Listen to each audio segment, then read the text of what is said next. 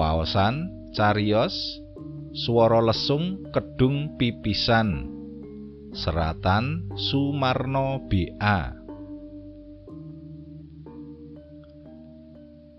Wong duwe kesenengan yen ora bisa milah-milih endi kang wigati lan endi kang ora iku pancen repot.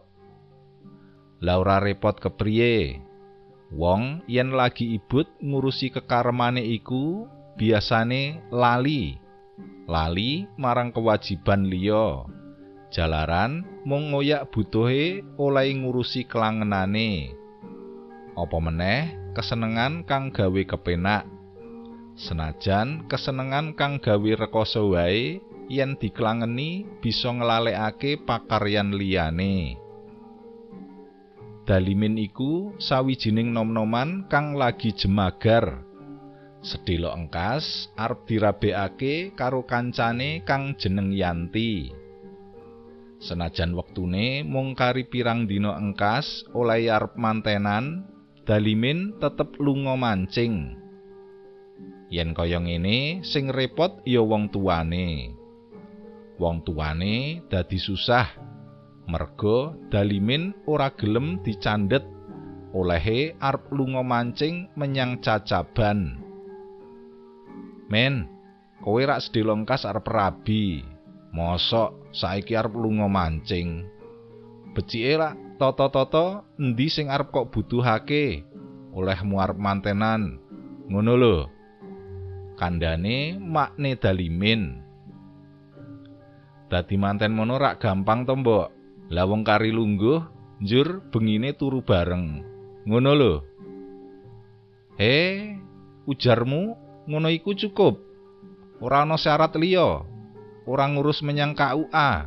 Ora latihan. Ngerti yo, men? Dadi manten saiki rak kudu latihan ana ing KUA. Mosok dadi manten wae kok latihan. Simbok we biyen ora latihan ya bisa duwe anak. Tangkise Dalimin karo lunga nggawa sarana pancing. Dalimin pancen bocah nekat yen duwe kekarepan angel diluk dening liyan. Mulane senajan dheweke wis gedhe lan sedhela engkas arep mengku bali somah, watake ya isih kaya bocah cilik. Kamangka sing jeneng wong omah-omah iku rak ora kanggo sedhela. Nanging kanggo sak teruse. Yen tanpa alangan, wong omah-omah iku ya kudu kanggo kaken-kaken ninen-ninen. Wong jejodohan ora mung arep kanggo ngumbar hawa nafsu lan kesenengan. Nanging wong omah-omah iku kaya dene wong lelayaran ana tengahing segara.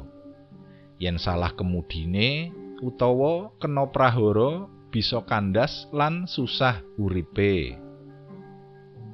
Langite mendung ireng lan udan grimis wis wiwit tiba. Dalimin ora kendu karepe.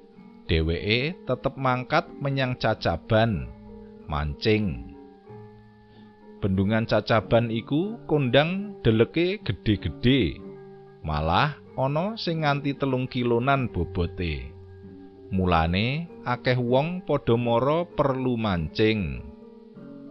Tekan jajaban wis meh magrib, Dalimin lingak-lingu goleki kanca kanggo tombo sepi.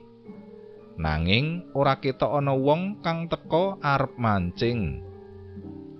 Sakwise Dalimin masang pancing ing pinggir banyu urut sak dawaning panggonan kang cethek Dalimin banjur lungguh ing watu cedhak igir.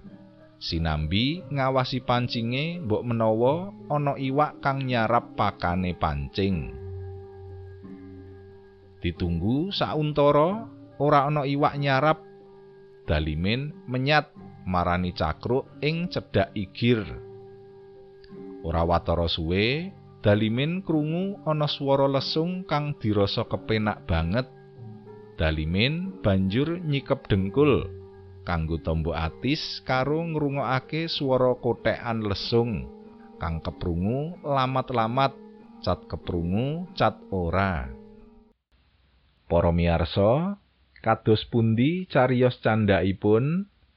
Sumangga kula aturi pinarak wonten channel YouTube Radio Siaran Jawi. Matur nuwun.